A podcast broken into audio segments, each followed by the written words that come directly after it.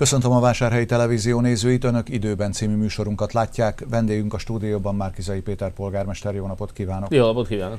Polgármester úr, pénteken közgyűlést tartanak, és ezen a közgyűlésen kezdeményezni fogják azt, hogy Hódmezővásárhely megyei városa lépjen ki a kistérségi társulásból. Mi ennek az oka? Hát elsősorban anyagi megfontolások vannak, a másik az hatékonysági.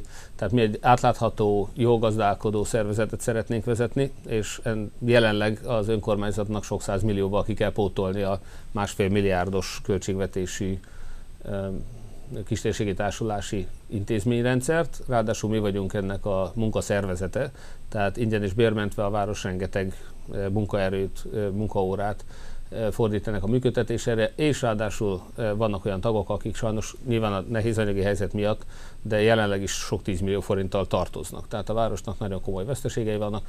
Nem beszélve arról, hogy ha hibák fordulnak elő, és ilyen is előfordult már, akkor van, hogy 40, 60, 100 millió forintokat veszít a város.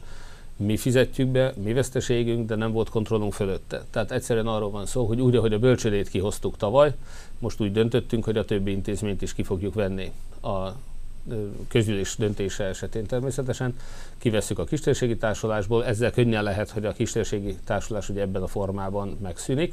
Természetesen ezeket a szolgáltatásokat, ahogy a bölcsödét is tudjuk nyújtani más településen élőknek is, tehát az együttműködés, a szervezet, a létszám, a vezetés, tehát a struktúra megmarad, de anyagi és átláthatósági felügyeleti szabályozási szempontból a város számára fontos és megnyugtató lenne, hogy ezek az intézmények ne a számunkra komoly anyagi veszteségeket hozó formában működjenek tovább.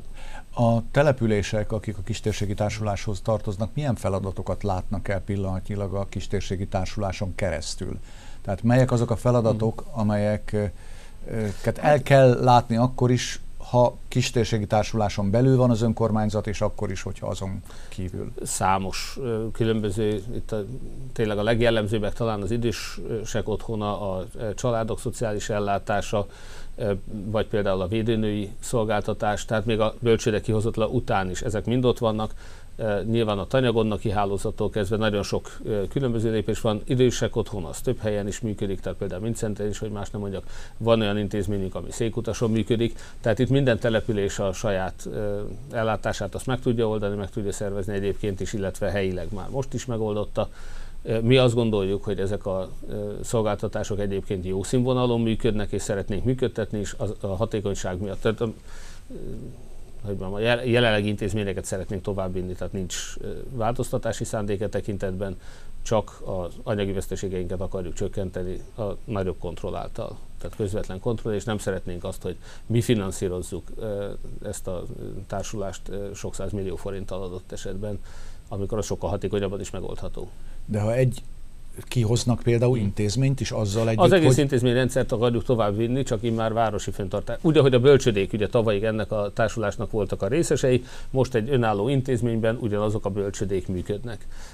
Ott ugye a jelenlegi vezető, vagy a volt vezető egy jogi akadály miatt, ha úgy tetszik, nem vállalta a további munkát, ezért meg kellett pályáztatni, de ott sem a mi kezdeményezésünkre volt vezetőváltás, az egy teljesen független dolog volt. Mi a addigi vezetővel, addigi személyzettel ugyanazok a telephelyek, dolgozók, működtettük volna tovább, illetve működik is egyetlen egy személycserével. Nagy intézmény miatt. például a Kovács Küri időskorúak otthona, akkor Igen. ha a közgyűlés így úgy dönt, ahogy a tervezet szól, akkor már nem a kistérségi társulás működteti az időskorúak otthonát, hanem a döntéstől kezdve Hódmezővásárhely megyei város? Pontosan. Tehát ennyi változna. Egyébként, amikor bevittük az önkormányzat tizen évvel ezelőtt a közös szervezetbe, akkor, akkor Hódmezővásárhely megyei városnak volt a Kagylóhéj alapítvány például, vagy a, kagyló, vagy a, a bármelyik egységet mondhatnám, de akár mondhatjuk, hogy akkor a kapcsolatközpont. Tehát annak az volt a neve, hogy Hódműző Vásárhely megyei város kapcsolatközpontja. Tehát ezt állítanánk vissza azzal, hogyha ez az intézmény, ez kikerül a kistérségi társulásból és az önkormányzathoz kerül vissza. A közgyűlésen pénteken lesz-e hasonlóan fontosnak ígérkező téma még? Azt hiszem, hogy ez a legfontosabb talán. Nyilván számos egyéb beszámolók lesznek, szokás szerint ugye itt az a szezon van. Elszámolások vannak. több volánbusznak a beszámolóját fogjuk meghallgatni. Hát ugye ez azért érdekes csak, mert a volánbusz továbbra is szolgáltat a városban, bármi nem rendeltük meg. Ők pereskednek most velünk egy bíróságon, tehát nyilvánvaló, hogy azt a beszámolót azt ebbe a formában nem szeretnénk elfogadni hiszen a volánbusz éppen perel minket több száz millió forintra olyan szolgáltatásra, amit nem rendeltünk meg, hát mi a megpályáztatott, amire sajnos a volánbusz nem adott be pályázatot, de mi működtetünk buszjáratokat átszervezett új menetrend szerint ingyenesen városkártyával, tehát nem ismerjük el azt, hogy a volánbusz miért szolgáltat nálunk. Tehát lesz még néhány kérdés, de ez egy rendkívüli közgyűlés lesz. Ennek megfelelően csak az előző közgyűlésről kimaradt, de határidős, sürgősebb dolgok gyakorlatilag az aktualitások lesznek a témái. Civil és sportegyesületek támogatása napi renden volt ezen a héten hogyan, milyen elvek szerint osztottak támogatásokat az egyesületeknek? Hát itt már három éve, ha jól emlékszem, működik ez. Én ezt azért kezdeményeztem, mert korábban is mindig jöttek be hozzánk támogatási kérelmek. Hogyha egy sportegyesület elment egy Dunántúli vagy olaszországi versenyre, akkor megpróbál, nyilván általában a szülők szokták fizetni a gyerekek, de volt, aki beadott erre egy kérelmet, vagy elkértek hozzá valami eszközt az önkormányzattól. Mások is saját valamilyen célra megkeresték az önkormányzatot, hogy adjunk támogatást. És ugye az igazságtalannak éreztem azt, hogy most aki, aki megkeres, azoknak tudunk adni, ráadásul a polgármester döntsön erről.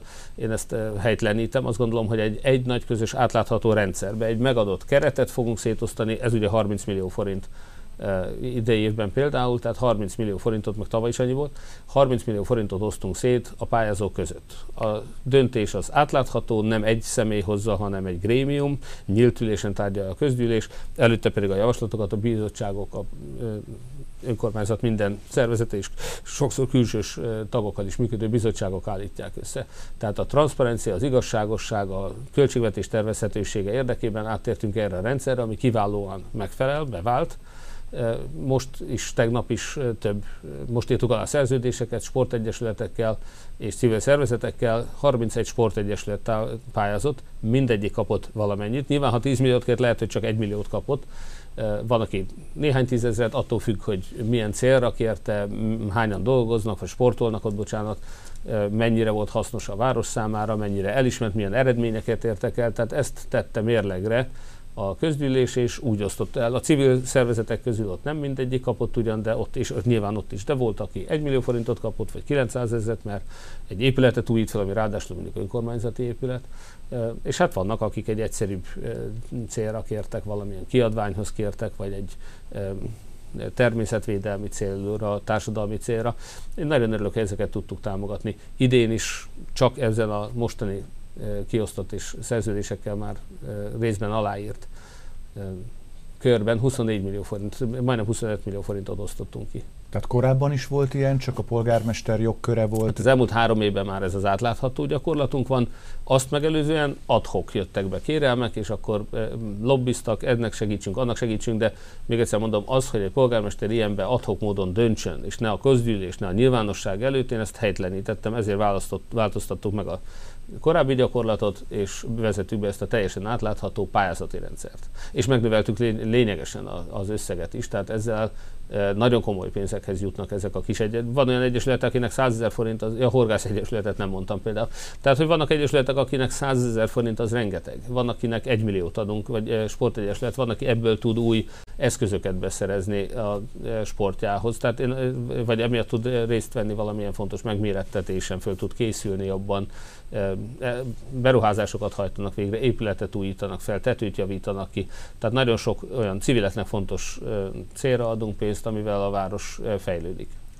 Érdekes módon a Rotary sétány kapcsán jutott el hozzánk az információ, hogy egy fontos fejlesztést hajt végre az önkormányzat öreg kis homokon, a kerékpárút mentén, és akkor majd ha szóba hoztam a mhm. Rotary sétányt, akkor rögtön azzal kezdem, hogy ott is napelemes lámpákat szerel majd föl Igen. A, az önkormányzat, de akkor ugorjunk egyel vissza az öreg kis homoki kerékpárúthoz. Milyen fejlesztést hajtottak ott végre? Igen, talán sokan emlékeznek arra, hogy a vasútállomástól vagy laktanyától az öreg kishomoki aluljáróig lévő körülbelül két kilométeres szakaszon már régebben is volt hét darab kandeláber, Sajnos akkor ezeknek az akkumulátorait ellopták, károsították a lámpatesteket, most tehát ki kellett cseréljük nem csak az akkumulátort, hanem a napelemeket és a lámpatesteket is, és nem csak ezen a 7, mintegy 700 méteres szakaszon. 7 darab 5 méter magas kandelláberen cseréltük, hanem telepítettünk 14 új kandellábert is, így most az egész útvonalon mintegy 88 közel 100 méteres időközönként, vagy távolságonként új fényes közvilágításunk van, tehát kényelmesebb és biztonságosabb lett a közlekedés Hódmezővásárhelytől Kisomokig a 47-es út mellett.